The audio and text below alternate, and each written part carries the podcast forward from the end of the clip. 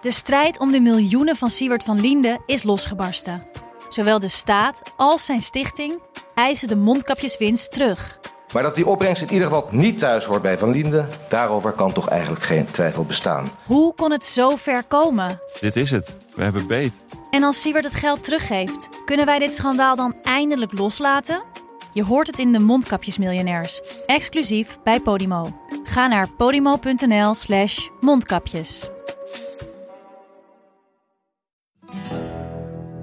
Je rijdt dus door een oorlogsgebied op een, op een vellig, terwijl het keihard regent en overal pikdonker wordt. Nee, we durven niet te stoppen. En eh, ja, eh, Joep is nooit bang. Joep Vermans, de kamerman, die was nu ook echt bang. Via podimo.nl slash gonzo luister je de eerste 30 dagen gratis naar Podimo. podimo.nl slash gonzo.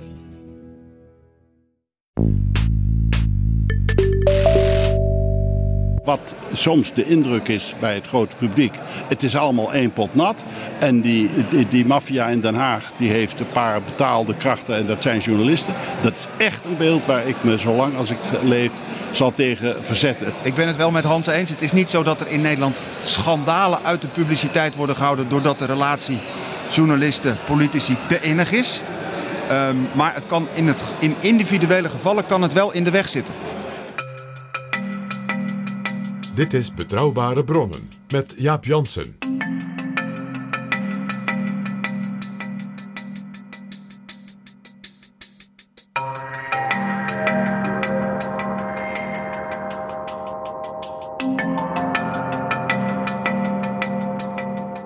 Hallo, welkom in Betrouwbare Bronnen, aflevering 62. Vandaag een bijzondere aflevering, want de radio bestond afgelopen week precies 100 jaar. En dat werd gevierd met live-uitzendingen vanuit het Koerhuis op Scheveningen, vlak om de hoek bij het huis van waaruit ingenieur Hanzo Itzerda op 6 november 1919 de allereerste radio-uitzending de ether instuurde. In het Koerhuis vonden gesprekken plaats over bijvoorbeeld de techniek van de radio, over sportjournalistiek op de radio en ik had de eer om een gesprek te hebben over parlementaire journalistiek op de radio.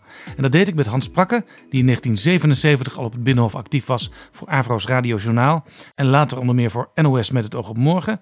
En met Wilco Boom, die nu voor NPO Radio 1 werkt, voor het Radio 1 Journaal, Nieuws Co en ook voor het Oog. Ik zelf heb als verslaggever voor de commerciële zender BNR Nieuwsradio gewerkt en daar ben ik nu nog columnist. Het gesprek werd live uitgezonden op een aantal radiostations en de opname wijkt qua geluid wat af van wat je gewend bent van betrouwbare bronnen. Het is opgenomen in de grote hal van het Koerhuis met heel veel mensen eromheen en tegelijkertijd waren er naast ons nog twee radiostudio's bezig met live-uitzendingen. En je hoort een paar keer een band spelen. Toch vonden we wat er gezegd is zo de moeite waard dat we dit voor lief namen en besloten het hele gesprek nu in betrouwbare bronnen voor een nog groter publiek te laten horen. Dit is Jaap Jansen met Betrouwbare Bronnen. 100 jaar radio. Vanuit het Koerhuis in Scheveningen.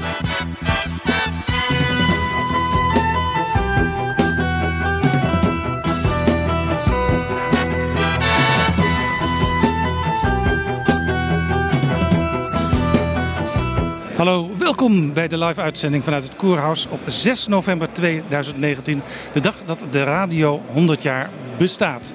Ik ben Jaap Jansen en ik ga praten over de parlementaire journalistiek in Nederland. En dan vooral de journalistiek op de radio. En dat doe ik met Hans Prakke, die vanaf 1977 werkzaam was op het Binnenhof als journalist voor de AVRO, het NOS-journaal en NOS met het oog op morgen. En met Wilco Boom, al heel wat jaren inmiddels in touw voor de NOS op Radio 1. Nu vooral smiddags in Nieuws Co. en s'avonds in Het Oog op Morgen, net als Hans vroeger. En ik praat zelf ook mee. Ik werkte van 2014 tot 2018 als politiek verslaggever bij BNR Nieuwsradio. Waar ik nu op donderdag nog steeds een gesproken column heb. De techniek is in handen van Bart Brink, voormalig programmatechnicus bij de NOS. En Wilco en ik kennen elkaar van het Algemeen Dagblad. We zaten samen in de parlementaire redactie. Eind jaren 90 was dat. Ik tot 2005. En toen was jij al weg, geloof ik, Wilco. Was ik al twee jaar naar de, naar de radio, naar de NOS. En Hans eh, Prakke, jij hebt zowel voor de televisie, voor het journaal als voor de radio gewerkt. Ondertussen horen we op de achtergrond een band eh, spelen. Want we zitten, leg ik nog even uit voor de luisteraars die live meeluisteren. Of die later in de podcast Betrouwbare Bronnen dit beluisteren. We zitten in de grote hal, prachtige grote hal van het Koerhuis op deze bijzondere historische dag. Hans, uh, ik ben heel erg benieuwd, wat is nou het verschil? Want je hebt voor televisie gewerkt en voor radio. Tussen die twee media. En wat is nou het echt bijzondere van uh, radioverslaggever zijn? Nou, dat is uh, simpel. Radio, daar heb je tijd. Uh, daar kunnen we er op ieder moment in als het nodig is. Daar kunnen we reageren op onverwachte gebeurtenissen. Mensen vroegen mij wel eens: hoe kan je nou zo die overstap maken van de sport, het wielrennen naar de politiek? Nou, dat is eigenlijk hetzelfde. Je moet heel spontaan reageren op plotselinge ontsnappingen van politici of demarages van fractievoorzitters of weet ik veel wat. Dat, dat, die overeenkomst in technische zin, inhoudelijk zit er natuurlijk wel enige verschillen. Maar die, die is er gewoon. Dus je kan als snel medium onmiddellijk inspringen op actuele gebeurtenissen. Uh, of het nou het uitbreken van de Golfoorlog is, of het plotseling aftreden van Gerrit Brax. Je kunt dat allemaal uh, op het moment dat je er lucht van krijgt in de uitzending melden. Televisie is wat dat betreft veel ingewikkelder. Je moet een camera hebben, anders kan het voor televisie niet. Je moet het ook goed in beeld hebben, want je kunt wel op de goede plek zijn en de goede beelden maken. Alleen als je een cameraman hebt die niet snapt wie die in beeld moet nemen, dan heb je nog niks. Dus uh, televisie is eindeloos veel ingewikkelder en kent ook een, een structuur die nogal vastgeroest is. Ik weet nog dat een paar jaar geleden bij de nieuwe huidige presentatiestudio's van, de NOS, uh, van het NOS Journaal was. Daar waren ze heel blij met een computergestuurde volgorde die je kon bepalen. En toen zeiden wij, ja, maar als nou in de laatste minuut voor de uitzending blijkt... dat was dan ons vaste uh, uh, verhaal altijd als Lubbers overlijdt. Nou, die is inmiddels overleden. Maar dat soort gebeurtenissen kun je ineens als journaal overvallen. Ja, dan kunnen we de zaak niet meer veranderen. Dat is nou typisch iets. Bij de radio kan dat per seconde. En bij televisie is dat allemaal vreselijk veel ingewikkelder. Ja. Het, het, andere is wel dat de impact van wat je doet op televisie, wat je laat zien in twee minuten, die is ontzettend uh, groot. En daar kun je wel eens als radioverslaggever enige jaloezie niet onderdrukken. Jij zit daar de hele dag je best te doen om in prachtige bijdragen te vertellen hoe dat debat loopt. En iedereen heeft het alleen maar op de, over dat ene moment ja, op televisie. Dat, dat snelle van radio, Wilco, ik zie jou heel vaak op het Binnenhof uh, rondlopen met een uh, zendertje met een antenne erop. Dat is uh, een wandelzender, een WZ in ons jargon. En dat is, ik gebruik hem eigenlijk nog niet eens zoveel om live mee in de uitzending te gaan. Dat is wel eigenlijk wel de belangrijkste functie van het ding. Je kunt er vanaf locatie uh, via de studio direct mee in de uitzending. En soms gebeurt dat natuurlijk ook wel eens. Ik ben wel, uh, wel eens op het Centraal Station gestaan in Den Haag. Daar dreigde iemand zelfmoord te plegen. En dat leidde daar tot uh, ja, chaotische taferelen. Dat kun je je voorstellen. Via die wandelzender had ik uh, direct contact met de studio in Den Haag. En die schakelde me door naar de studio in Hilversum. En zo was ik dus live in gesprek met uh, de toenmalige presentator over wat daar gebeurde. Maar ik gebruik die WZ eigenlijk meestal om um, gesprekken op te nemen. Zodat ik niet later nog weer alle, met allerlei geheugenkaartjes uh, hoef te lopen klooien in de studio. Het materiaal wat je dan verzamelt, heb je meteen in het geluidssysteem van de, van de radio zitten. Zodat je er veel makkelijker mee, uh, mee, kunt, uh, mee aan de slag kunt. En als ik even mag reageren op wat, wat Hans net zei over, over dat radio veel sneller is. Dat is inderdaad zo. Ja, improviseren is veel makkelijker. Maar we zijn wat dat betreft ook bij de radio natuurlijk al wel weer ingehaald met de sociale media, met Twitter, met Facebook. Vooral Twitter is wat dat betreft echt heel bijzonder, vind ik. Um, er hoeft maar iets te gebeuren en het staat meteen op Twitter. Ik merk ook in de verslaggeving dat we soms alweer vertellen hoe er op de sociale media, en dat is dan meestal Twitter, op actuele politieke gebeurtenissen wordt gereageerd. En die zijn er dan al veel sneller dan wanneer ik met of zonder wandelzender de Kamer in zou gaan om die reacties te verzamelen. Want Ja. ook die politici die twitteren zich helemaal schuf. Ja, dat- geldt ook. Die snelheid is met sprongen vooruit gegaan. Hè? Ik, ik herinner me dat wij samen bij de krant werkten. Eh, en dan probeerden we aan het begin van de avond onze artikelen zo'n beetje klaar te hebben voor de volgende dag. En dan s'avonds om half elf, elf uur, dan, ging het, eh, dan werd besloten wat komt op de voorpagina. Maar nu moet je, eh, zelfs ook als radiojournalist voor internet, eh, af en toe ook nog dingen tussendoor eh, schrijven of vertellen. Ja, dat is inderdaad, dat is ook wel een beetje de nieuwe werkwijze, in elk geval bij de NOS. Ik weet niet hoe dat bij heel veel andere omroeporganisaties is geregeld. Maar als een verslaggever in Den Haag of elders bij de NOS nu met een mooi verhaal binnenkomt, goed verhaal, en daar zelf ook inhoudelijk heel goed in zit, is het, wordt het wel een beetje verwacht, en dat vind ik ook terecht, dat hij daar zelf ook een stuk over tikt. En dat niet overlaat aan een van de online collega's, want die moet dan ook weer helemaal ingepraat worden. Maar dat heeft niet zozeer met de snelheid te maken als met iets anders. Dat De NOS was vroeger natuurlijk in de eerste plaats televisie. En dat is nog steeds zo. Maar de NOS heeft eigenlijk drie grote platforms: televisie, radio, internet. Ja, dat, ik wou zeggen, als radioband kun je toch niet zeggen dat de NOS vooral televisie is? Uh, nou, in publieksbereik is dat in elk geval wel zo. Hè? Uh, Hans had het er gisteren net ook over, die impact. Het grote mensenjournaal, het journaal van 8 uur, dat wordt toch heel vaak nog door 2 miljoen mensen bekeken. Nou, uh, ook bij een programma als het Met het oog op morgen, dat vaak 300.000, 400.000 luisteraars heeft. Dat is echt, ja, dat zijn toch aantallen, daar kun je eigenlijk alleen maar van dromen. Die, ja, dus in die ja. zin is de, is de NOS toch wel heel erg televisie. Maar um, het is wel een geïntegreerde organisatie met verschillende platforms. Dus het komt, uh, het komt steeds vaker voor dat alleen al door die ontwikkeling uh, informatie ook op verschillende uh, platforms uh, wordt verspreid. Ja. Via één verslaggever of een redacteur. Ja, nog even voor het beeld. Die wandelzender waar jij het over had, die heb ik bij BNR Nieuwsradio ook regelmatig gebruikt. Maar ik had er een beetje een hekel aan. Ik vond het een zwaar ding. Die antenne zat in de weg. Ik hoorde soms in mijn oor man, mensen praten met veel ruis waar ik ernstig door gehinderd werd. Dus ik werkte, werkte toch het liefst met een microfoontje waar een chip in zat. En die kon ik dan weer in de computer steken. Maar dan moest ik natuurlijk wel naar die computer om het nog even precies, te monteren. Precies, en met de wandelzender sla je dus die fase over. En zeker als je heel snel iets moet, dan uh, is dat werken met die wandelzender toch fijner. En overigens sinds een paar jaar hebben we nieuwe. Die zijn echt beduidend lichter dan de, de, de blokken steen waarmee we een paar jaar geleden nog aan onze schouder liepen. Dus ook wat dat betreft is een technische vooruitgang. 15 kilo waren de zenders in mijn tijd, jongelui. 15 kilo. Dat is gelukkig heel lang geleden, Hans. Dat ja, de Arbo-dienst zou dat nu niet meer goedkeuren, denk ik. Uh, Wilco, we gaan even kijken of het wonder de techniek ons uh, kan helpen. Uh, Bart Brink staat achter de knoppen en Niels Zak staat klaar bij een hele grote spoelenrecorder.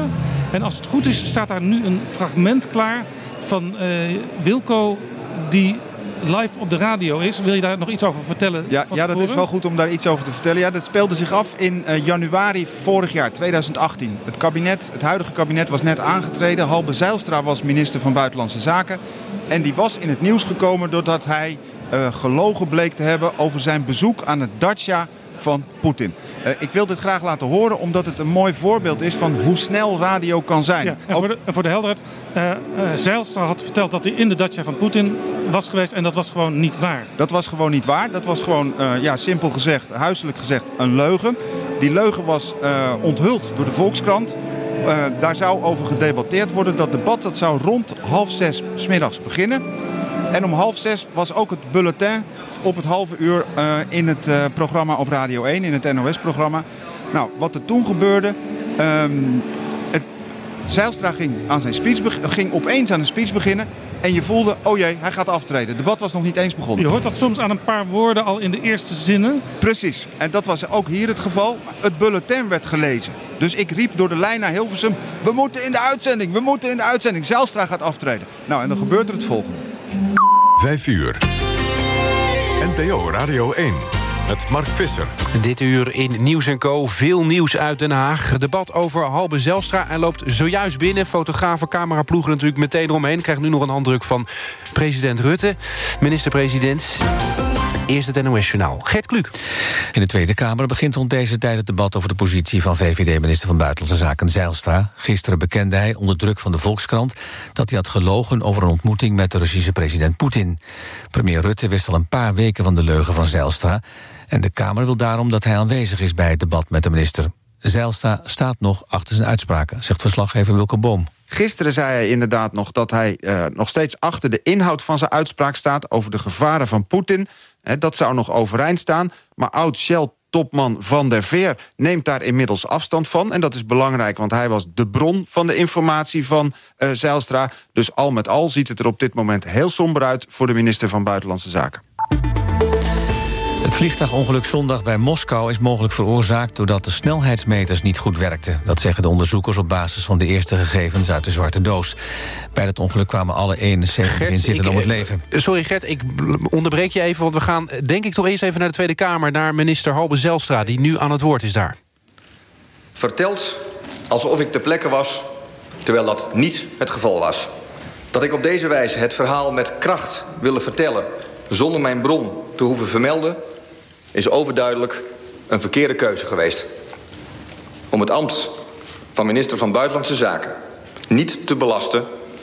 zie ik geen andere optie dan vandaag mijn ontslag aan te bieden... aan zijn majesteit de koning. Ik doe dat met spijt in maat. Maar in de volle overtuiging dat Nederland een minister van Buitenlandse Zaken verdient. Excuus. Oh. Die boven elke twijfel verheven is. Die belangrijke taak die hem of haar gegeven is, dat hij of zij die zonder terughoudendheid kan vervullen. Voorzitter, ik heb de afgelopen jaren in vele rollen verantwoordelijkheid mogen dragen voor het bestuur van dit land. En daar ben ik dankbaar voor. En ik heb dat met veel plezier en toewijding gedaan. Rest mij niets anders dan u, uw Kamer en mijn opvolger alle succes toe te wensen. Dank u wel. Ja, tot zover. Hal, Halbe Zijlstra dus, de minister van Buitenlandse Zaken... die hier toch tamelijk onverwacht al voorafgaand aan het debat met hem... over zijn leugen met Poetin zijn ontslag heeft aangekondigd. Eh, we hoorden het hem met een snik in zijn stem Ja. zeggen. Een brok in zijn keel. Een ongelukkige fout door mijzelf veroorzaakt... door die leugen over die bijeenkomst in die dacha in 2006 met Poetin... waar hij dus helemaal niet geweest was. Eh, je ziet de Kamerleden nu allemaal een beetje ja, verbaasd om zich heen kijken. Ja, want hij Klaas- ging meteen weg ook, hè? ja, Klaas Dijkhoff loopt daar nu rond. Eh, de verbazing is toch heel groot eh, over deze plotselinge stap. Wat je meestal ziet gebeuren is dat de Tweede Kamer... in de eerste termijn dan vol op het orgel gaat... met alle kritiek in de richting van de bewindsman of vrouw... die het op dat moment aangaat. Eh, en dat dan het aftreden wordt aangekondigd. Maar Zijlstra heeft de eer wat dat betreft volledig aan zichzelf gehouden. Heeft meteen aangekondigd, het was fout, het was niet goed... en daarom ben ik weg. Wilco Boom, we horen je straks weer. We gaan nu weer terug naar het NOS-journaal. Gert Kluk, het vervolg daarvan. Een heel dramatisch moment, maar wel een mooie manier om radio te maken. Ja, dit was fantastisch. En het, was eigenlijk nog mooier dan je hoort. Want naast mij in de studio zat een gast. Die zou eh, over een ander onderwerp komen praten. En die werd hier natuurlijk ook door overvallen. En ik zei tegen die man, blijf zitten. Je komt straks aan de beurt. Maar voorlopig even niet. Nou, die man die heeft ook de uitzending van zijn leven meegemaakt. Die heeft het daar op familiefeestjes waarschijnlijk nog steeds over. Want ja, die moest dus alsmaar wachten, alsmaar wachten. Want hierna kwam ik nog een keer terug in de uitzending. En eh, om het nog weer eens een keer samen te vatten wat er allemaal precies was gebeurd. Ja, eh, u kan mij zeggen dat ik, dat ik heel veel spijt heb van het feit dat ik toen eh, het besluit heb genomen om eh, het verhaal met kracht te willen vertellen. Door dat te doen alsof ik erbij was. Ja, het is gewoon een verkeerde keuze geweest om op die manier te vermijden dat ik de bron moest noemen. Nou, u ziet wat het resultaat is. En kunt van mij aannemen dat degene die daar het meest vrijheid van heeft, dat ik dat ben. U wilde dit zo graag. Hoe, hoe is het dan voor u nu dat u op moet stappen?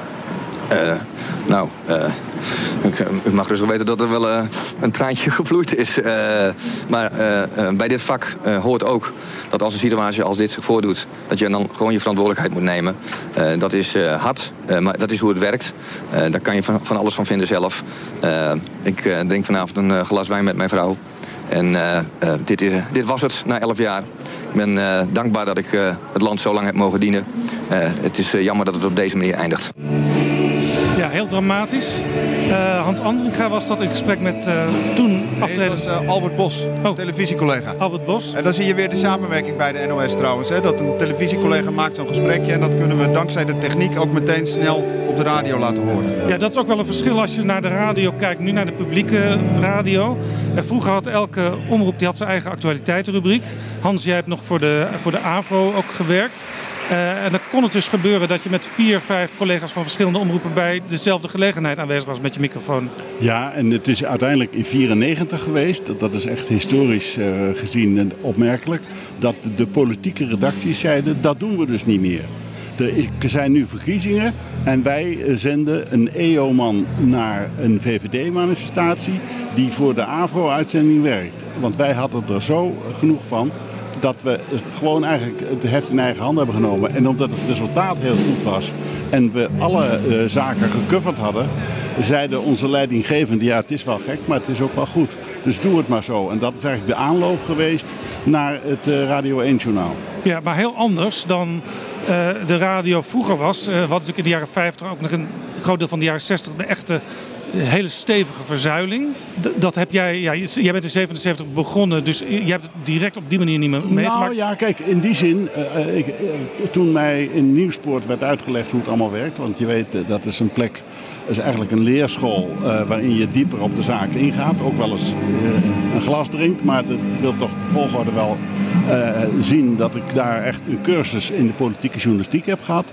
En dan leggen corifeeën als Willem Breedveld en Kees Lunshoff je uit dat hoe dat destijds in die tijd van de verzuiling ging, was dat de verslaggever van Trouw, die heel goed wist hoe het in de ARP zat, die vertelde hoe het in de ARP zat. En daar eh, de, de Volkskrant was inmiddels progressief geworden. En die wist dus vrij goed gezien binnen vijf. En wat er allemaal voor alcohol vloeide en tranen en ook verder aan nieuws uitkwam. Dus kortom, iedereen had een deel van het speelveld, legde de kaarten in nieuwspoor bij elkaar. En dan kregen we met z'n allen, dankzij die corifeeën als Lunshoff, als Breedveld en anderen, kreeg je een soort beeld van, hé, hey, wacht even, zo zit het dus. De, die, die gefragmenteerde journalistiek leidde uiteindelijk toch tot een beeld waarin journalisten ook van elkaar kennis namen. Ja, jij zit heel erg in die KVP-wereld, jij zal dat wel weten. Ik, ik weet dat niet zo. En nou ja, zo, zo ging de bal rond. Maar Wilco, jij, jij bent tegenwoordig uh, onder andere belast met het volgen van de Partij van de Arbeid, als ik het goed heb. Dat klopt. Je hebt er ook een mooi, mooi, boek over geschreven. Dankjewel. Ja. PvdA en GroenLinks. Dus eigenlijk gaat het in zekere zin niet verzeild, maar wel qua informatie ook nog een beetje zo. Want als er een, groot, een grote politieke crisis is, dan kun jij ook vertellen uh, nog wat scherper wat er in de Partij van de Arbeid en GroenLinks aan de hand is. Ja, maar dat is, dat is natuurlijk toch een hele grote verandering dan ten opzichte van die periode waar Hans het net over heeft. Ja. Uh, nu uh, is die informatie via de NOS voor, de voor heel Radio 1 beschikbaar. Hè? Die informatie die ik verzamel of bijvoorbeeld mijn collega Wilma Borgman die alles van de VVD weet. En wij delen die informatie ook intern bij ons op de redactie. Vroeger ging dat, zat dus de, kennis van, nou ja, Hans noemde de ARP, zat bij Trouw de kennis over de PvdA zat bij de Volkskrant. En het, in bijzondere van die tijd was dat perscentrum Nieuwspoort eigenlijk een soort uh, verzamelplaats was. Waar die, waar die journalisten die informatie met elkaar uitwisselden over de grenzen van de verzuiling heen. Nou, die verzuiling is eigenlijk al lang weg. Alleen in een, bij, de, bij de publieke omroep zie je die nog. En ook uh, in het onderwijs. Deze dagen ook weer veel in het nieuws vanwege de staking. Hè. Daar heb je nog de christelijke, de katholieken, noem het allemaal maar op. En wat je overigens bij de omroep nu ook wel weer ziet. Hans schilderde de oprichting en het ontstaansgeschiedenis van het Radio 1 Journaal. De laatste jaren zie je wel dat in elk geval op Radio 1 de omroepverenigingen weer wat actualiteiten, zendtijd willen terugpakken van de NOS. Ze vinden het toch eigenlijk wel jammer dat dat voor een belangrijk deel naar het Radio 1 Journaal is gegaan en naar uh, Nieuws en Co. Ze willen dat eigenlijk ook wel weer zelf doen. En dat komt omdat ze zich daar dan mee kunnen profileren. En dat kan natuurlijk veel beter dan met een uh, ja, willekeurig muziekprogramma. Terwijl, denk ik, ooit het idee van veel verslaggevers die gingen samenwerken was... Uh, ooit wordt het gewoon een algemene nieuwszender. Ja dat, ja, dat weet Hans denk ik beter dan ik, want hij was daarbij betrokken. Ja, dus. ja nee, dat, was, dat was het idee. Uh, het was het idee dat het een raar uh, iets is, zoals Leo Pagano, mijn oude collega, altijd zei. Uh, als het dinsdag is en de AVRO heeft zendtijd, dan zitten wij zwaar in de crisis. Maar woensdag hebben we geen bal te doen, want dan hebben we geen uitzending.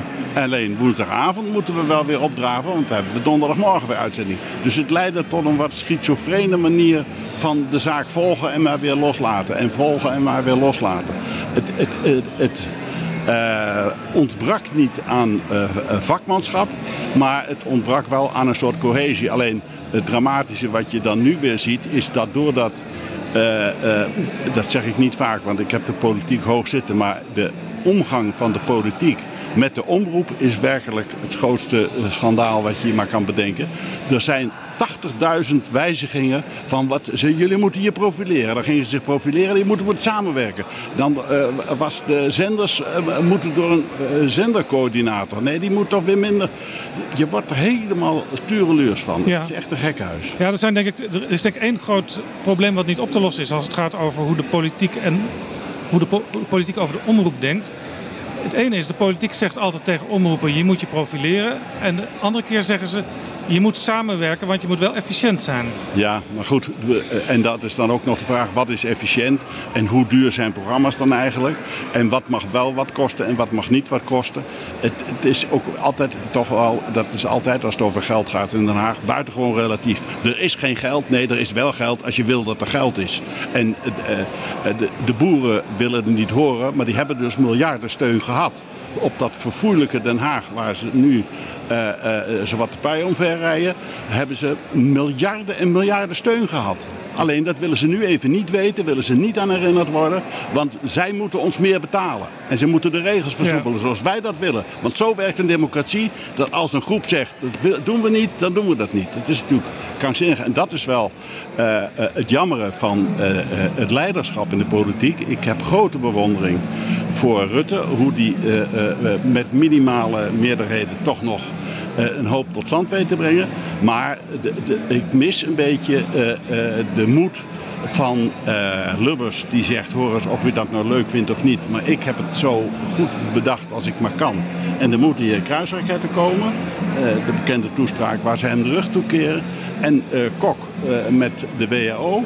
Dat soort moed om op een gegeven moment ook tegen die boeren te zeggen jongens, jullie hebben boter op je hoofd. Weet je nog wel, van die boterberg. Dat is heel veel wat jullie op je kop hebben. Ja, maar dat durven ze niet. Er is angst voor de peilingen. En dan gaan we dus allemaal, gaan we eerst uh, uh, iets instellen. En dan gaan we, als ze dan bij de provincies op de stoep komen, zeggen we gauw, we trekken het in hoor. Ja, nog het, het is voor de huidige politiek leiders wel veel moeilijker geworden om die moed waar Hans het over heeft te laten zien.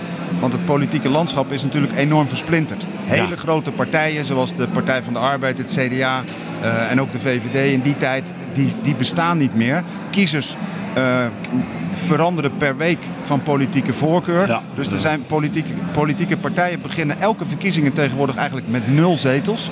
En dan moeten ze op verkiezingsdag ja. maar zien hoeveel ze er die dag weer hebben gekregen.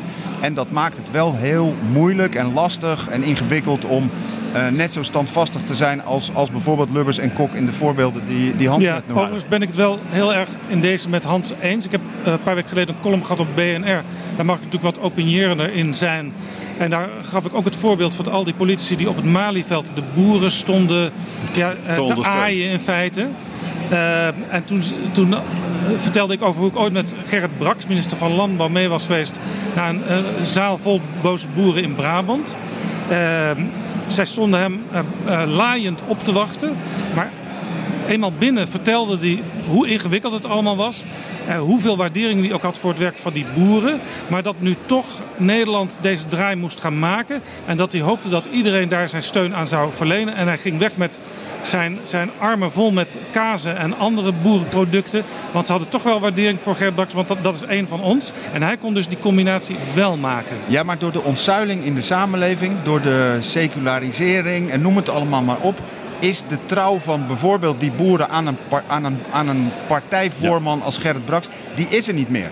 Ik bedoel, de Gerrit Braks van nu, die zou, um, die zou weggehoond worden. En een ander voorbeeld in dit verband. Josias van Aarts is minister van Landbouw geweest in, ik meen, het eerste kabinet Kok. Ja. En die heeft toen de varkenstapel gesaneerd.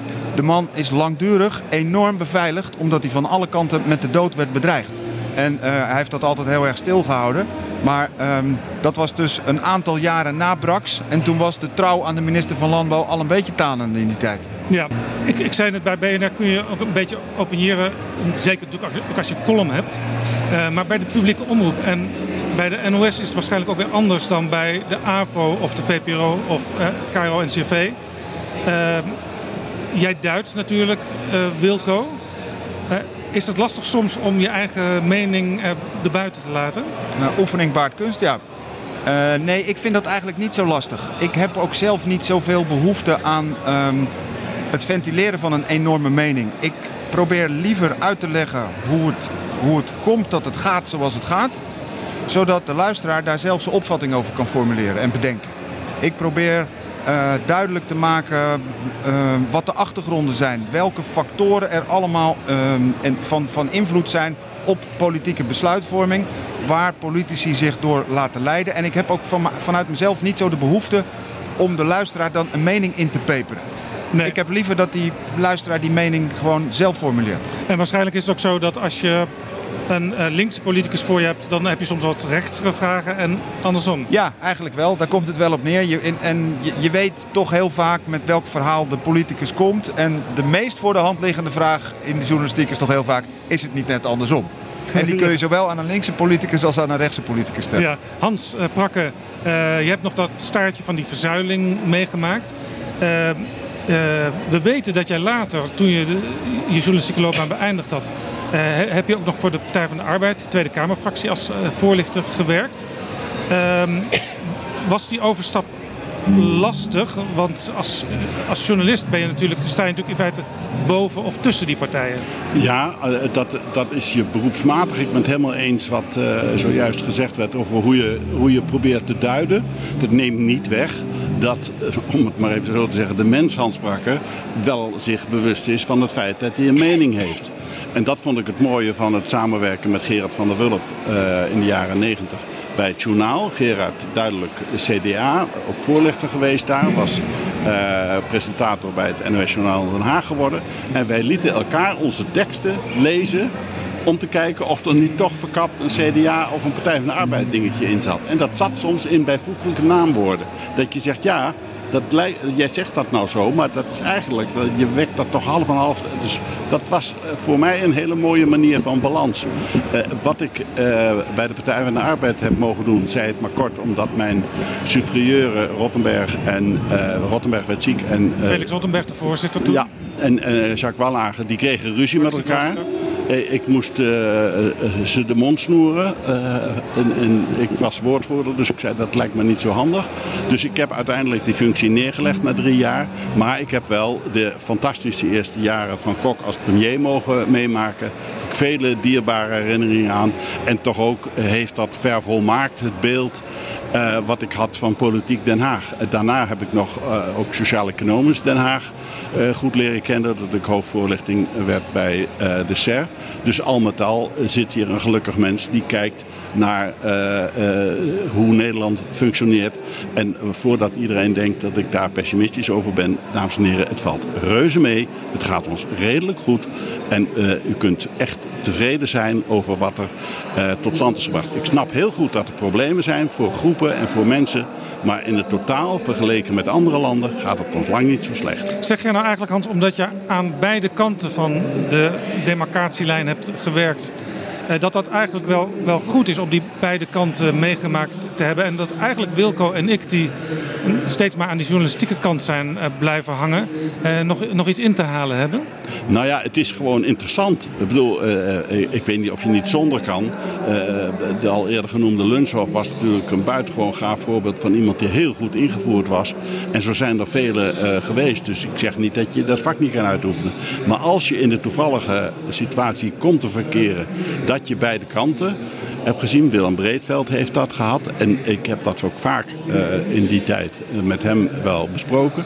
Dat je zegt, daar zit iets, iets fascinerends in. Ja, want Willem Breedveld heeft voor uh, minister-president Den Uyl ja, gewerkt een ja, tijdje. Ja. Uh, en er zit iets fascinerends in dat je, waar je als journalist nog wel eens de neiging hebt om in complottheorieën te denken, je achter de schermen ziet, ja joh, maar dat was eigenlijk toevallig. Kok die stond daar en die moest uh, een antwoord improviseren op een vraag die hij helemaal niet verwacht heeft. En toen heeft hij dat maar geroepen. En bedoel, dat, dat was ook vaak uh, bij de, het bewindspersonenoverleg op donderdagavond. Dat je denkt, jongens, laten we nou niet al te slimme strategietjes doen, want die mislukken toch. Wim, zeg jij nou morgen maar gewoon dat en dan reageer ik daar wel zo op. En Kok maakte daar soms uh, uh, op een fantastische manier misbruik van. Door even de mensen die daar vergaderd waren. Om dan te zeggen, nou ik ga natuurlijk zeggen dat dit een van de meest schandalige streken is die D66 ons geleverd heeft. En dat ik uh, dat Van Mierlo nog eens goed zal inpreperen. Waarop dus de fractie ongeveer van zijn stoel viel. Ga je dat echt zeggen Wim? Nee natuurlijk niet, zegt Kok. Maar het is zo heerlijk om het even te kunnen zeggen. Dan ben ik het kwijt, dan kan ik me morgen weer beheersen. Ja, ja. Nou ja, dat hele spel, want dat is het natuurlijk ook. Uh, is heel goed om, om ook meegemaakt te hebben. Ja, maar nu is het natuurlijk wel zo, uh, Wilco. Uh, wij praten weer met de voorlichters en de spindokters en ook de hoofdrolspelers van al die verschillende partijen. En dan weten we ook wel op een bepaald crisismoment een beetje hoe de verhoudingen liggen. Ja, uh, kijk, daar zijn die spindokters ook voor. En je probeert ook, uh, en die spindokters, dat zijn dus vaak de, de politiek assistenten van de hoofdrolspelers, uh, van fractievoorzitters, van ministers. het zijn ook fractievoorlichters en natuurlijk belangrijke Kamerleden, fractievoorzitters zelf. En door met al die mensen probeer je een, een beeld te verzamelen, zodat je ongeveer weet wat er gebeurd is. Meestal werkt dat goed. Uh, pak een beetje een pensioenakkoord, een klimaatakkoord van wat deze kabinetsperiode nog niet zo lang geleden gesloten is. Nou, dan praat je met al die partijen en dan heb je aan het einde van de dag of in de loop van de dag krijg je een tamelijk compleet beeld van hoe het gegaan is. Alleen, het werkt niet altijd zo. Als ze echt elkaar de tent uitvechten, dan is het heel moeilijk. Uh, Je moet ook altijd uh, zeker voor ingenomenheid van die partijen eraf schrapen hè, voordat jij. Ja, maar, daar, maar daarom, is, daarom is het goed om met iedereen te praten, want dat levert dan je complete beeld op. Maar zoals gezegd, het werkt niet altijd. Bijvoorbeeld rondom de val van het kabinet Balkenende, het laatste kabinet Balkenende. Dat ging vechten ten onder aan de vraag of er nog een militaire missie naar Oeruzgan zou gaan in Afghanistan. Nou, dat gebeurde s'nachts, nacht van vrijdag op zaterdag. Ik zal het nooit vergeten, want ik was erbij. En um, toen spraken we s'nachts nog in Nieuwsport met Verhagen, met Koenders, met uh, medewerkers van de partijen, met Kamerleden. En s ochtends wisten we eigenlijk minder van wat er gebeurd was dan... Uh, uh, toen in Nieuwsport? Dan toen in Nieuwsport en, bij, en, en in de loop van de nacht. Want ze spraken elkaar zo erg tegen dat er niet één werkelijkheid uitgedestilleerd kon worden. Dus dat gaf ook aan hoe fysiek de verhoudingen op dat moment waren. Ja, ik herinner me uit die nacht ook het beeld van de Partij van de Arbeid uh, bewindslieden. Die op een rijtje stonden om uit te stralen. Wij zijn solidair, wij zijn het eens met elkaar. Maar dat was dan alleen maar het Partij van de Arbeid dat deel was van alleen het kabinet. Het, dat was alleen het Partij van de Arbeid deel. Zij waren natuurlijk uit het kabinet gestapt die nacht. En hebben zich toen met z'n allen nog verzameld uh, op het ministerie van Financiën. Waar Bos minister was. Om inderdaad te laten zien dat zij het allemaal eens waren. Er ontbrak er één. Dat was uh, Jet Bussemaker. Die was toen staatssecretaris van Onderwijs. Waar was zij? Nou, zij was onderweg van Jakarta naar Amsterdam. Ze was daar op werkbezoek geweest. En ik, ik meen me te herinneren, maar ik weet het niet helemaal zeker meer. Dus hou me een beetje ten goede. Maar ik meen me te herinneren dat ze als staatssecretaris het vliegtuig inging in Jakarta. en dat ze er als ambteloos burger Werkloos. uitkwam in Amsterdam. Ja. Dit is Betrouwbare Bronnen. Een podcast met betrouwbare bronnen. 100 jaar radio. Vanuit het Koerhuis in Scheveningen.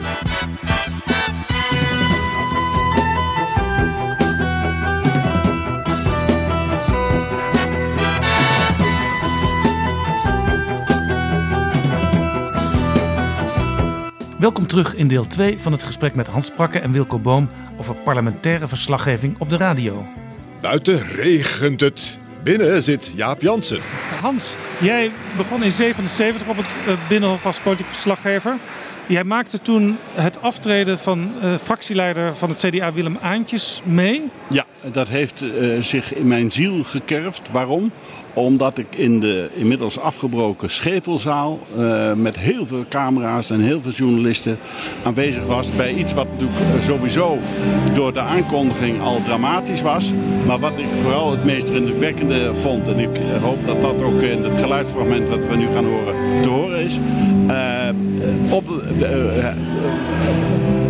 Aantjes gaf een heel exposé over zijn rol en hoe het allemaal gegaan was. En je voelde het gaat toe naar het moment dat hij gaat zeggen dat hij gaat aftreden. En toen was er een bepaald moment in zijn betoog dat hij even in zijn ogen wreef. En dat nu was het moment waarop de camera. Je voelde ineens, dit is het moment. En dat was dus ook de volgende dag. En in alle journaals. Een duidelijk geëmotioneerde Aantjes uh, maakt zijn aftreden bekend. Terwijl de goede man. Uh, een betoog van een half uur gehouden had. Zeer beheerst. Maar op die ene minuut dat hij even zo deed in, uh, en achter zijn brillenglazen wreef. Dat was het beeld. En dat bepaalt dan hoe Aantjes op dat moment de historie ingaat. BNR Nieuwsradio. Verstand van zaken. De Ochtendspits. De tweede Nee, dit is niet het fragment. Uh, maar dat, dat fragment houden we te goed, denk ik. Uh, maar misschien kunnen we wel even naar dit fragment toe gaan. Uh, we gaan gewoon even naar dit fragment toe. Dat is, maar dan moet ik het even naar mezelf uh, toehalen. Want we, hebben allemaal wat fragmenten meegenomen. Ik heb uh, 3,5 jaar bij BNR Nieuwsradio gewerkt. Ik stuitte op een bepaald moment op een enorme primeur waarvan ik zelf nauwelijks geloofde dat het waar kon zijn. Ik leidde een politieke kerstquiz in Nieuwspoort.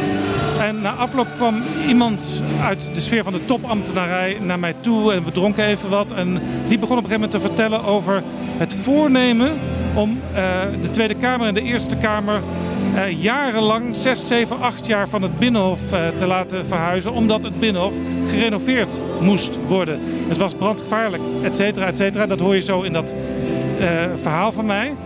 Uh, dat was vlak voor het kerstreces. Na het kerstreces ben ik ermee verder gegaan. Het heeft me wel 10, 11, 12 bronnen gekost voordat ik het echt rond kreeg. Maar het bleek waar te zijn. Het bleek eigenlijk vooral in de sfeer van een aantal uh, secretarissen, ambtelijke secretarissen van fracties. Want die zaten daarover te vergaderen, zelfs op dat moment in die week.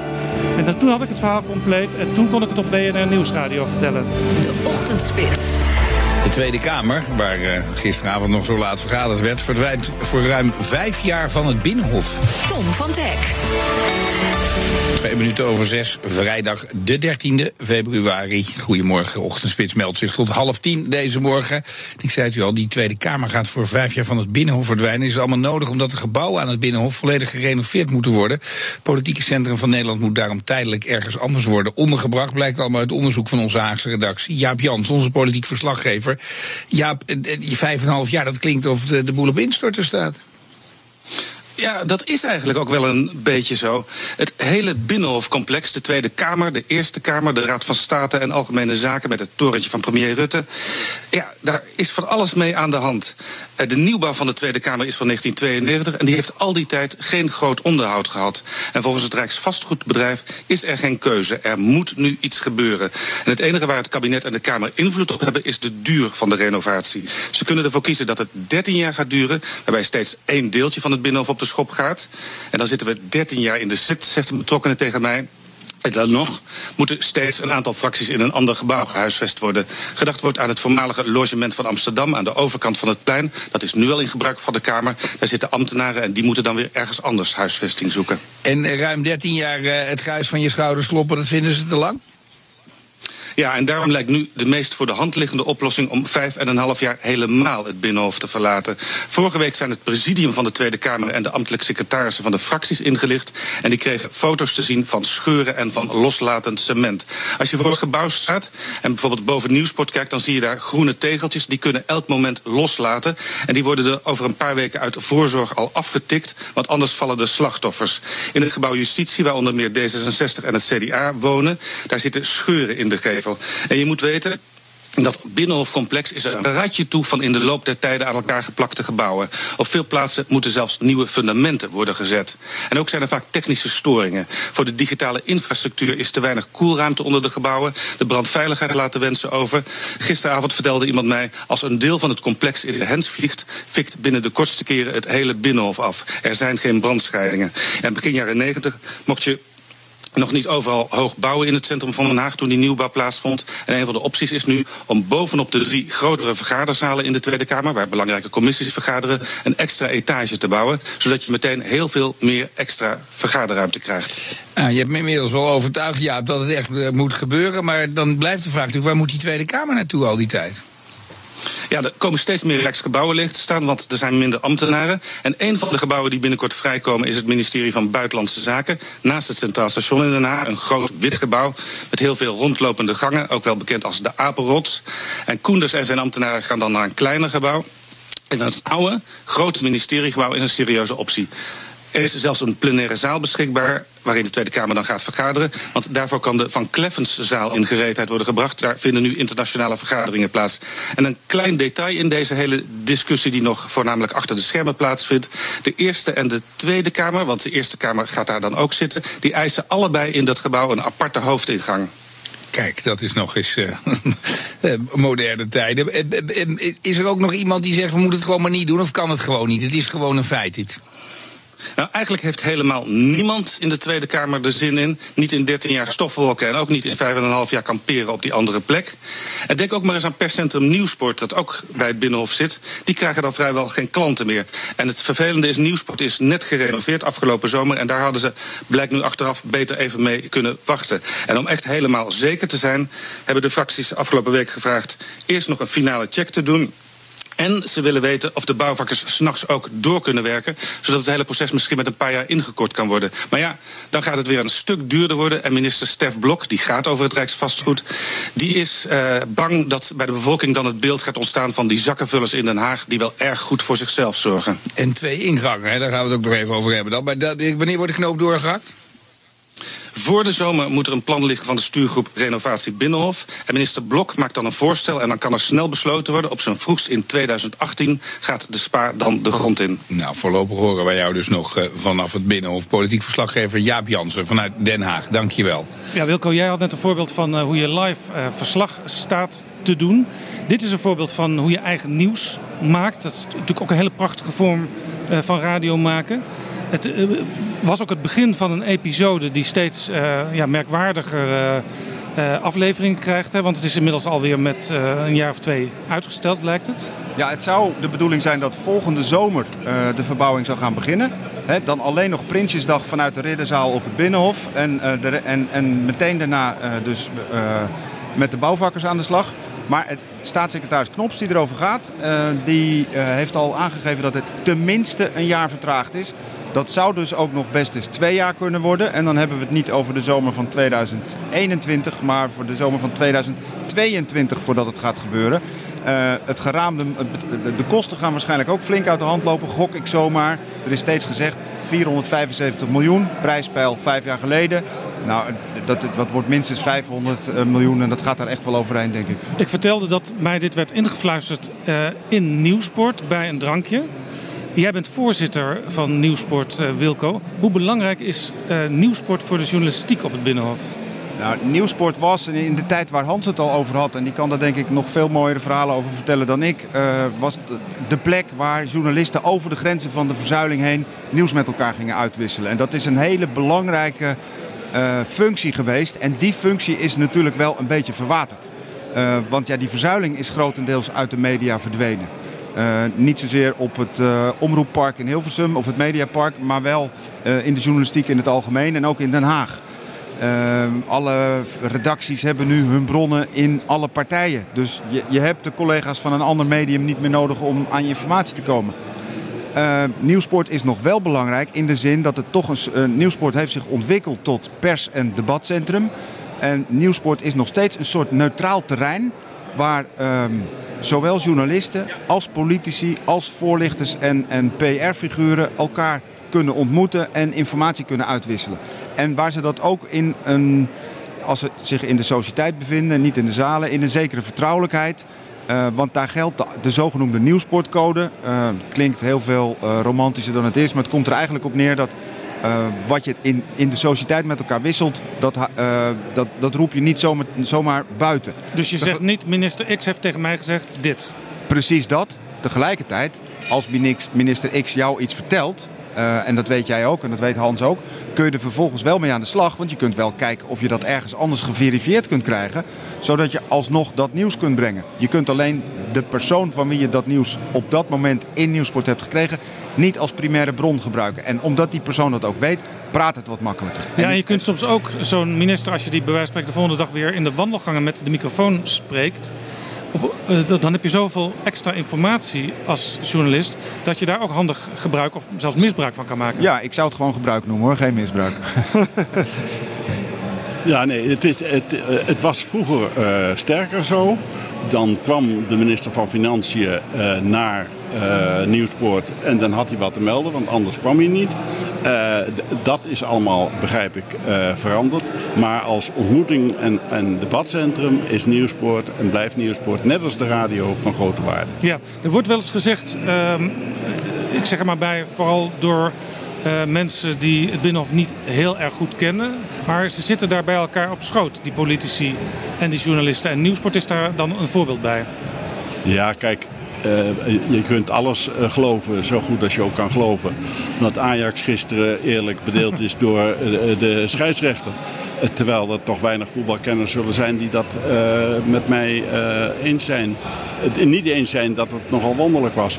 Kortom, kijk, ik daag iedereen uit om een voorbeeld te noemen waarin dat het geval is. Mijn ervaring is dat juist journalisten hun rol opnemen op het moment dat een minister gelogen heeft, zegt niet de verslaggever omdat hij die minister aardig vindt. Goh, eh, jammer dat het nou uitgekomen is. Hè? Bedoel, je, je praat niet mee, maar je voelt eh, aan je journalistieke water: dit is een grote zaak, dit kan zo niet.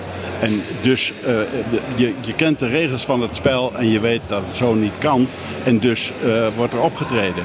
Eh, je moet wel als journalist altijd blijven zoeken. Ik weet nog goed, er was een keer een belastingaanslag van ehm, eh, Lubbers bekend geworden. Ja, de, de privébelastingaanslag van de Ja. minister-president. En toen hadden wij zoiets van, jeetje, wat betaalt die man Weinig.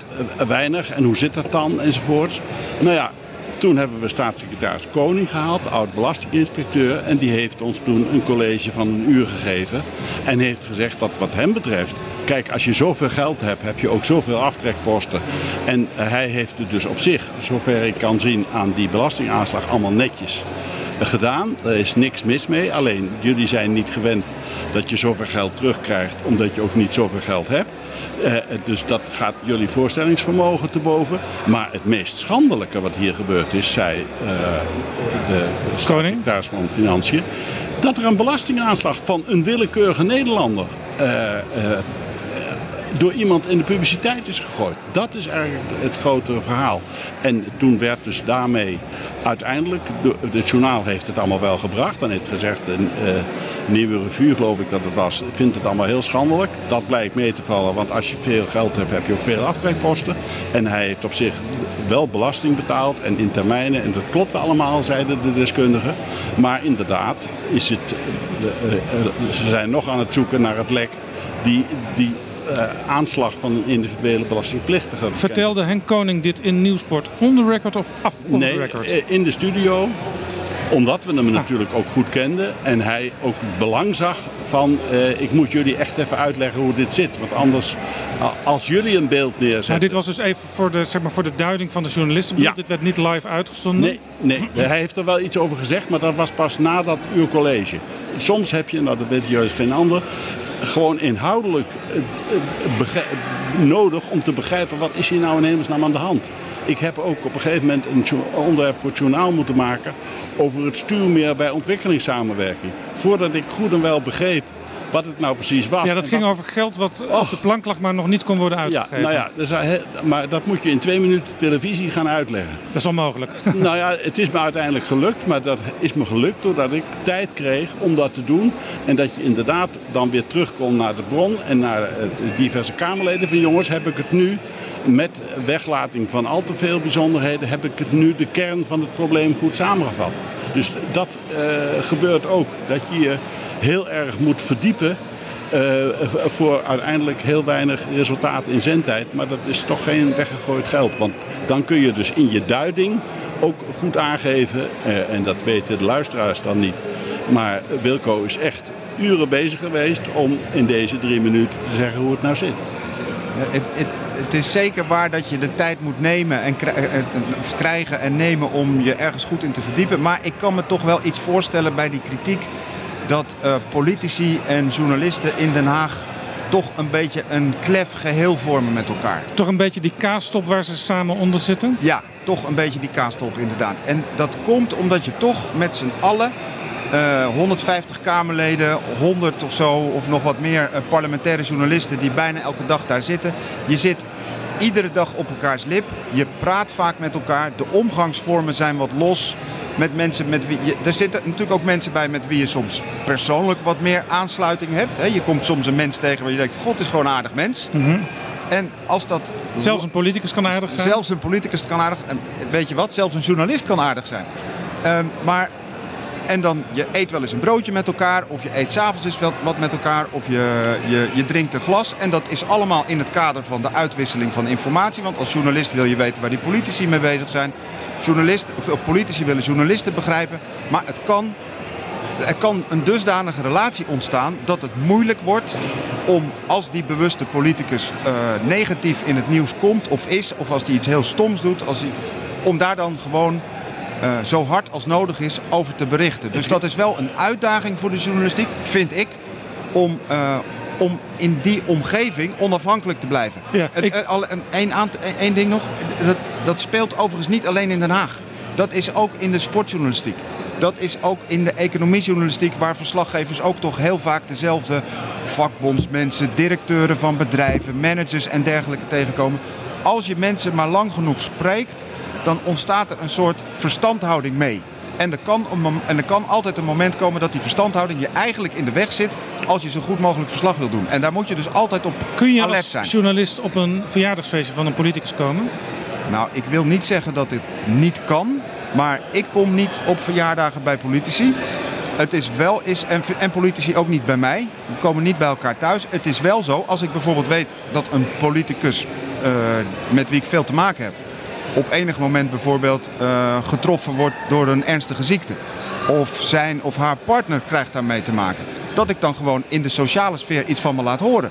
Van joh, hoe gaat het? En eh, kan je het allemaal nog wel een beetje aan? En dat soort dingen. Dus, dus, en dat, je, je zou kunnen zeggen dat moet je ook niet doen. Maar dat, dat vind ik er wel bij horen. Mijn, mijn punt is dat op het wezenlijke moment, of het nu in de sportjournalistiek is, er wordt geen fraude in het Belgische voetbal buiten de deur gehouden vanwege de innige relatie. Er zijn geen misstanden in Nederland die vanwege die innige relatie niet aan het licht komen. Partijen kunnen er moeite mee hebben. Het kan lastig zijn, allemaal tot je dienst. Maar wat soms de indruk is bij het grote publiek. Het is allemaal één pot nat.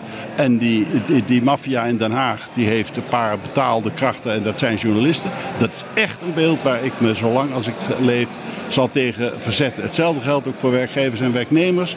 Dat zijn de mensen die heel goed weten wat hun belang is voor de bedrijf dan wel voor de vakorganisatie. En daar wordt serieus onderhandeld en niet in een soort onderling handjeklap. Ik, word, ik werd altijd giftig in mijn tijd als hoofdvoorlichting. Dan riepen ze weer, ja dat gepolder. Jongens, wees dankbaar voor het feit dat er nog steeds naar draagvlak voor beleid wordt gezocht. Ja, want u je- was ook eh, voorlichter bij de Sociaal-Economische Raad. Dat moeten we wel even bij vertellen. ja, zie, zie wat er nou in Engeland gebeurd is. Als je geen draagvlak voor iets hebt, wat voor gekloot je dan krijgt. Wij keken altijd geweldig op naar, het, Eng- naar die Engelsen. Dat blijkt dus gewoon ook maar een stelletje kostschooljongens zijn. Die gewoon de ene leugen aan de andere eh, vastbreien. En vandaag dit vinden en morgen dat. Dus ik bedoel, eh, ik hoef ook niet meer te horen dat het in Italië of in Frankrijk allemaal zoveel beter en democratischer is. Want het is echt in Nederland zo gek nog niet. Al zie ik heus, nogmaals, ik zie, doe eh, de mensen die echt in de problemen zitten of die echt ergens een probleem van ondervinden van beleid, die doe ik. Die wil ik blijven zien. En dat moet je ook als journalist. Maar Ik, ik ben het wel met Hans eens. Het is niet zo dat er in Nederland schandalen uit de publiciteit worden gehouden doordat de relatie journalisten-politici te innig is. Ehm, maar het kan in, het, in individuele gevallen kan het wel in de weg zitten. Eh, ik heb ook, ook, ook wel eens bij de hand gehad. ehm, ik heb bijvoorbeeld een redelijke verstandhouding met iemand als Lilian Ploemen. Van de Partij van de Arbeid. Ja, oud-minister, eh, oud-partijvoorzitter, nu Kamerlid. Nou, het is geloof ik een jaar geleden ongeveer dat de PvdA lag, eh, of een PvdA-senator lag onder vuur. Want die was ook directeur van een grote scholenkoepel in Maastricht. En ehm, eh, uiteindelijk, dat, dat was voor de Partij van de Arbeid-fractie in de Tweede Kamer een groot probleem. Want ja, eh, eigenlijk waren ze heel kritisch over wat er in Maastricht gebeurde. Maar het was heel lastig om het te zeggen, omdat die bewuste senator, Postema heette die. Ja. Omdat hij nog steeds in de Eerste Kamer. Is uiteindelijk ook hij was- vertrokken, hij maar was- niet hij was- meteen. hij was nog fractievoorzitter. Op enig moment kreeg ik via via, via Aukje Roesel van eh, De Groene Amsterdammer... een screenshot te zien van een bericht dat Lilian Ploemen per ongeluk op haar WhatsApp had staan. En dat, dat- de, de essentie van dat bericht was...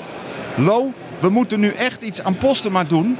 Want het wordt een steeds groter probleem. Woorden van die strekking. Een interne communicatie van de Partij van de Ja, die, Arbeidsfractie. die zij per ongeluk op haar WhatsApp ehm, eh, een screenshot had, had laten staan. In plaats van dat ze het als boodschap naar Lo, Lodewijk Asscher, had gestuurd.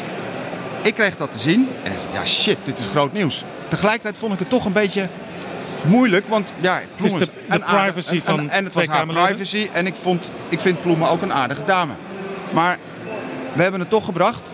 En daar sta ik ook gewoon echt 100% achter. Maar je moet dus op zo'n moment even over die persoonlijke eh, barrière heen. Ja, en en als overigens, je- Hans vergeet één ding. En we worden niet betaald door de politiek, maar wel allemaal door Soros. En we zijn ingestraald door chemtrails. Dat hè. lezen we op Dus, Twitter elke dag. Ja, ja. Hans, jij Ja. wou nog even wat nou zeggen ja, hierover? een voorbeeld. eh, Harry van den Berg eh, werd eh, beticht, eh, was een Kamerlid voor de Partij van de Arbeid, defensiespecialist, werd, bekennis, werd be- beticht van het hebben van voorkennis aandelen. Niet omdat wij Harry aardig vonden, maar omdat we zeiden dit is zo'n zwaar verwijt. Als wij dit gaan brengen als journaal, is die man zijn carrière Ja, dat was een verhaal, dacht ik, in de Haagse Post die Ja. week. En het probleem is dat eh, eh, eh, in de Haagse Post was het een, een verhaal ergens op pagina 20. Waar ze wel lezers mee lokten, maar toevallig niet op de voorpagina. En het journaal werkt zo. Als het journaal zegt dat je de kluit belazerd hebt. Nou, daar hebben ze 100 man op zitten, dus die zullen dat wel weten. Dus we hebben toen een extra dag genomen om te kijken of het waar is. En hebben dat, gezien ook de goede verhouding met Harry, gezegd: hoor eens, we geven je de kans om hierop te reageren. Maar onze indruk is dat je echt fout gehandeld hebt. En dat heeft hij toen toegegeven en toen heb ik het ook gebracht. Bedoel, maar het, ik zeg ook niet dat het probleem er niet is. Ik hou tegen dat omdat eh, eh, Belgische voetbalverslaggevers innig zijn met voetbalclubs, de, de grote eh, schoonmaakoperatie daar niet doorgaat, want die is in volle gang. Toch? Nee, maar je ziet bijvoorbeeld wel eens dat bijvoorbeeld Lance Armstrong, die jarenlang met doping de Tour de France heeft gewonnen, dat er in de wielerjournalistiek ehm, wel een zekere terughoudend wa- terughoudendheid was om daarover te berichten. Ja, maar wacht even. Nu krijgen we wat anders. De hele wielersport is vergeven van de doping. Dat weten we al jaren. Er zijn Franse renners beticht. Die worden in ere gehouden. Eh, eh, eh, hoe ze ook heten, dat is allemaal fantastisch. Alleen er worden een paar lieden tot zondaar gemaakt, waaronder Armstrong. En dan sta ik aan de kant van Armstrong, die, eh, waar- waarvan ik denk, ja hoor eens, je hebt de kluit belazerd. Moreel vind ik dat niet eh, eh, zeer lofwaardig. Maar je zit in een sfeer waarin er met twee maten wordt gemeten. Op het moment dat de wielrenners in Duitsland goede sier maken, worden Didi Thurau en eh, eh, eh, Ulrich worden op het schild geheven, zijn nationale helden. En de ARD trekt zich onmiddellijk terug als blijkt dat ze doping hebben genomen. En, blijkt, eh, de- en in een circuit zitten waar iedereen dat ongeveer deed. Dan kom je bij mijn oude vriend Kneteman, die zei als we nou allemaal doping nemen en ik win dan ben ik nog steeds de beste. Nou, dat is op zich ook waar. Maar eh, ik wil maar zeggen, de, de- als een hele sector op een bepaalde manier verrot is, is het, eh, vind ik het tot op de dag van vandaag buitengewoon ergerniswekkend dat eh, iemand, de Richard Viranke, die zeven keer het bergklassement gewonnen heeft, die echt iedere keer bewezen doping heeft genomen. Dat die nog steeds een grote held in Frankrijk is, terwijl meneer Armstrong er niet in mag. Dan denk ik, ja, hallo. En hier, betaalt zich in dit gesprek de brede ervaring van Hans Prakker uit. Want Hans is eh, ooit zijn loopbaan eh, begonnen op Radio Noordzee Internationaal als eh tourflitsman. Ja. En later heb je ook op de eh, motor gezeten in Radio Tour de France. Ja. Eh, dus zo breed kun je ook in de journalistiek werken. Met Theo Komen. Dat, dat was een, eh, een genot apart. Die heeft wel eens nu de naam die liet Forella uit de beek eh, springen. Die überhaupt niet uit de beek kunnen springen, want ze hebben water nodig. Dat is allemaal waar. Maar Theo was in zijn tijd een begenadigd verslaggever. Toen was er nog geen televisie. Eh, eh, alle uitzendingen lukten niet, dus hij moet het soms overdoen. En hij had een fotografisch geheugen en kon daardoor reproduceren wat er gebeurd was. Wat de luisteraars de eerste keer niet hadden gehoord.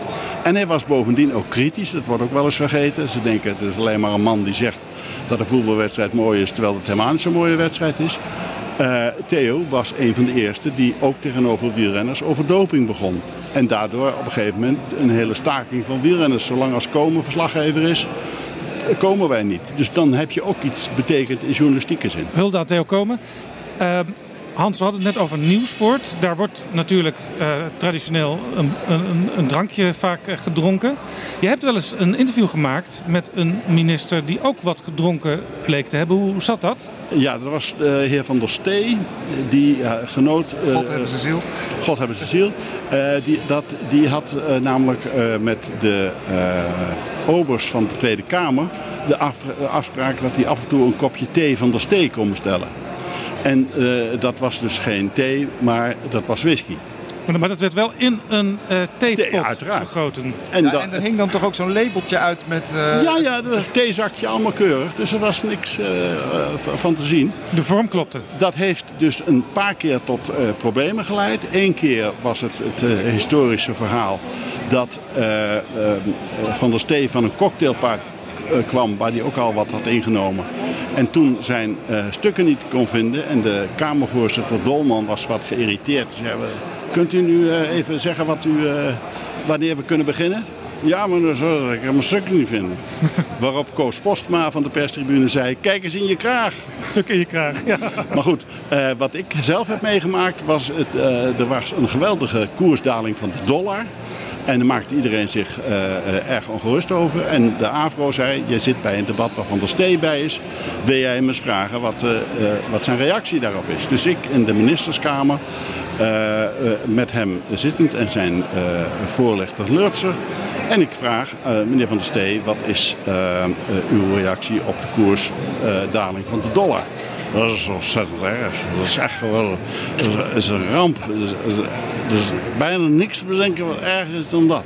Ja, maar kunt u wat concreter zijn uh, in wat u denkt dat de gevolgen zijn?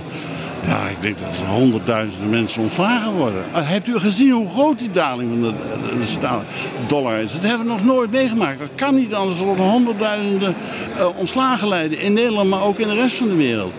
Dus hier is eigenlijk wel sprake van een ramp, uh, meneer Van der Zee. Ja, dat kun je het minste wat je ervan kan zeggen. Maar zo'n koersdaling hebben we nog nooit meegemaakt. Dus ik weet ook niet precies wat het wordt, maar het wordt echt heel erg. Met Dank andere woorden, groot nieuws. Ja, alleen... Uh, is het uitgezonden? Toen zij, uh, kwam dus de, zei ik dank u wel meneer Van der Stee. Een mooie bijdrage. En vervolgens kwam even later de dodelijk verontruste voorlichter kwam naar mij toe in de ministerskamer. En die zegt, ga je dit echt uitzenden? Ik zeg, natuurlijk. Heb je gehoord wat die man... Dat is groot nieuws.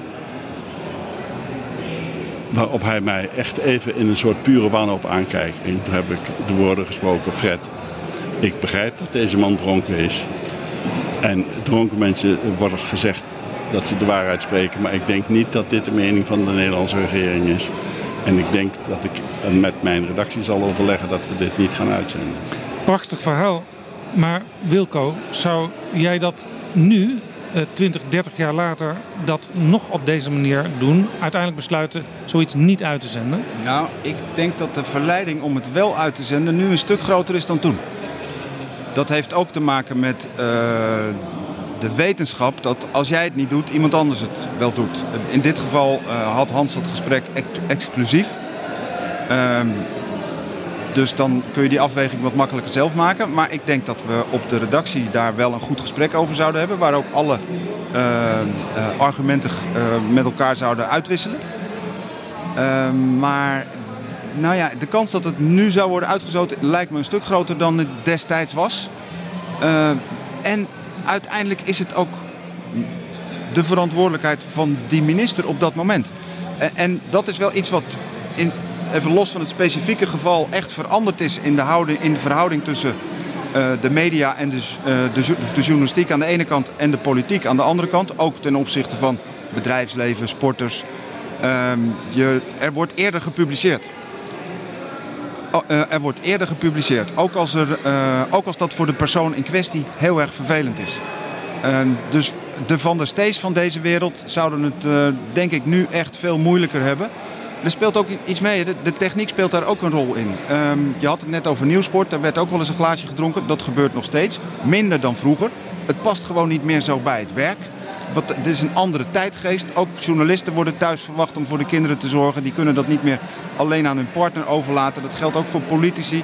En ik denk dat als nu een politicus stomdronken ondersteund door collega's, het pand verlaat, dan, ja, dan is er een grote kans dat het binnen de kortste keren met een smartphone gefotografeerd is en op Twitter staat of op Facebook. Ja, en het is tegenwoordig natuurlijk ook, uh, omdat het gewoon heel erg gevaarlijk is. Want tegenwoordig treedt een politicus sneller af als hij uh, van dronkenschap kan worden beticht dan in de jaren 70 het geval was. Dat het ook natuurlijk dan tegenwoordig de taak is van de voorlichters die er omheen werken. Uh, dat ze bijvoorbeeld zorgen dat die politicus uit beeld of buiten de microfoon blijft. Of dat ze tegen de journalisten zeggen, ja, ik moet het je maar eerlijk bekennen. Uh, onze man of vrouw heeft een borreltje te veel op, uh, op dit moment. Maar ik stel voor dat we bijvoorbeeld morgenochtend even dit gesprek gaan doen. En dan krijg je alles te horen. Maar ik moet je zeggen dat ik het echt al heel veel jaren niet heb meegemaakt. Dat je in een setting overdag of aan het einde van een debat meemaakt dat een politicus er aan toe is zoals Fons van der Stee 30 jaar geleden. Dat kan ik me echt niet herinneren. Misschien, ik heb wel eens in Nieuwsport een politicus gezien en ook een journalist die een glaasje te veel had gedronken. Maar, maar zo'n akkefietje als, als met uh, Van der Steed destijds, ik heb dat werkelijk de afgelopen 10, 15 jaar niet meegemaakt. Nee. Hans, jij vertelde mij toen we elkaar spraken uh, eerder vandaag, dat je ook nog wilde benadrukken de lol die je kunt hebben in het vak en met elkaar. Ja, dat, de, de politiek is natuurlijk uh, uh, belangrijk, omdat die het levens van mensen beïnvloedt.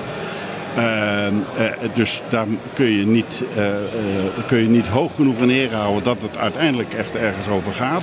Mag je je leven beëindigen als het om de euthanasiewetgeving gaat? hoeveel mensen mogen er hier binnenkomen en waarom? Dat, zijn echt allemaal vragen waar we allemaal mee te maken hebben. Dus daar kun je niet hoog genoeg inschatten. Maar daarnaast is de politiek natuurlijk ook een spel uh, van, uh, van met elkaar omgaan. En van uh, dingen voor elkaar krijgen. En de, de Rutte die, die op zijn bewonderenswaardige manier... terwijl hij helemaal geen meerderheden meer heeft... toch nog iedere keer een meerderheid bij elkaar weet te scharrelen. Uh, een van de mooie verhalen bij Rutte vind ik het verhaal dat hij uh, op een gegeven moment in de gaten heeft. Is een herdenking van het uh, verdrag van Maastricht. En die van der Staaij die moet dat helemaal met de trein naar Maastricht. Weet je wat, ik geef hem een lift. En goed, dus Van der Staaij vond het prachtig met de minister-president. Daar is vaak ook een, wel een belang bij, hè? Ja, ja, ja, nee, dat komt nu. van der Staaij die na tien minuten zegt... Goh, nou ik je spreek en rustig in de auto zit, hartstikke fijn dat ik mee mocht rijden. Zou jij een keer bij onze jongerenvereniging willen optreden? Want dat is namelijk de grootste jongerenvereniging nog steeds van een politieke partij in Nederland. Dus nou, dat wil ik heel graag doen. Belt onmiddellijk zijn secretaresse en regelt uh, 4 november ben ik van dan tot dan bij, in Barneveld bij de SGP-jongeren.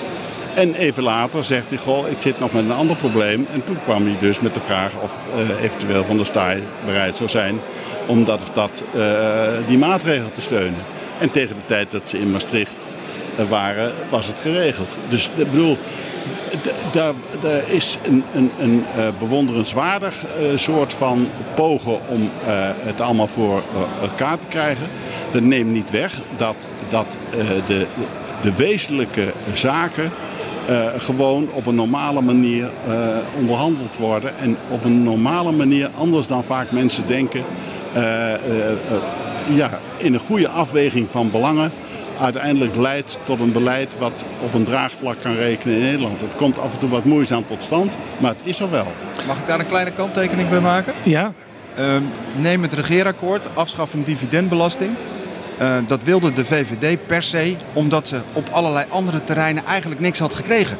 Dus de dividendbelasting moest weg en de winstbelasting voor bedrijven moest omlaag. Dat was eigenlijk bijna irrationeel. En je ziet het, het is ook allemaal teruggedraaid. Ja, overigens, ik sprak een tijdje geleden uh, Mark Rutte toen Max van Wezel was overleden voor mijn podcast. Een naam Max van Wezel die ook wel genoemd mag worden als het over radio en politieke journalistiek gaat. Icoon. En uh, Rutte die zei daar dat hij het radiogesprek, want er was even sprake nog dat Max misschien wel het radiogesprek op vrijdag ook mee zou gaan uh, maken met de minister-president. Dat hij die radiogesprekken, zei Rutte, altijd prettiger vindt dan de tv-gesprekken, omdat je in de radio toch iets vrijer kan zijn in je redenering. Ja, klopt. Ik heb het mooiste interview wat ik ooit met uh, Lubbers gemaakt heb heb ik gemaakt. Wat ook niet zo politiek was, maar wel hoogst interessant. Namelijk, hij, er was een politiek niet zoveel betekenisvolle week. En toen uh, onderweg van Nieuwspoort naar uh, de studio zei ik, eh, hoe is eigenlijk de moord op Rajiv Gandhi op jou overgekomen? Oh jongen, praat me er niet van. Ik zeg, nou, daar wou ik juist wel over praten. en vervolgens heb ik dat eh, dus eh, gedaan. En daar kwam dus een heel verhaal over. Het was nog voor de tijd van Fortuyn, Nederlandse politieke moorden. En ook Theo van Gogh wisten we niet. Maar toen dachten we dat gebeurt in Nederland niet. En hij zegt, het was zo dat Rajiv Gandhi altijd bij het afscheid eh, eh, mijn hoofd omvatte met zijn beide handen. En zei, hoor eens, iedereen in, familie, in mijn familie die op de hoge positie zit, die ik nu heb gezeten, die is uiteindelijk met de dood geëindigd. Dus ik weet niet of ik je nog weer zal zien. Hij zegt, dat beïnvloedt mij in mijn dagelijkse politieke bezigheid. Dat ik denk, jongens, in, in wat voor marginale discussie zitten wij eigenlijk. Daar gaat het soms op leven en dood. Nemen standpunt, mensen standpunten in die hun letterlijk en figuurlijk de kop kan kosten. En ja, dat is inderdaad het, het intieme van dat eh, radiogesprek. Wat ook net even minder gevoelig ligt. Als je op televisie dingen gaat zeggen, dan wordt er gauw eh, gereageerd. En bij radio kun je soms eh, tegen middernacht nog wel eens even echt zeggen hoe het zit. Ik ga afsluiten dit mooie gesprek met Wilco Boom en Hans Pakker. Dank jullie hartelijk voor de inzichten die jullie hebben gegeven. De mooie analyses en ook de, de mooie anekdotes. En ook heel veel dank aan de technici Bart Brink en Niels Zak... voor het begeleiden van deze uitzending op 6 november... de dag dat de radio in Nederland 100 jaar bestaat.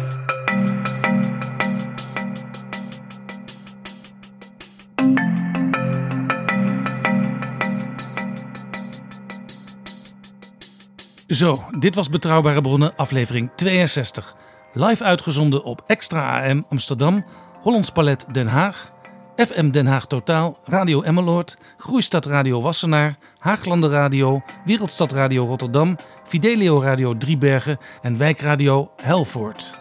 Dit is Betrouwbare Bronnen. Ben je enthousiast? Vertel dan ook je vrienden dat ze zich kosteloos kunnen abonneren. Betrouwbare Bronnen verschijnt dan elke week ook in hun luisterlijst.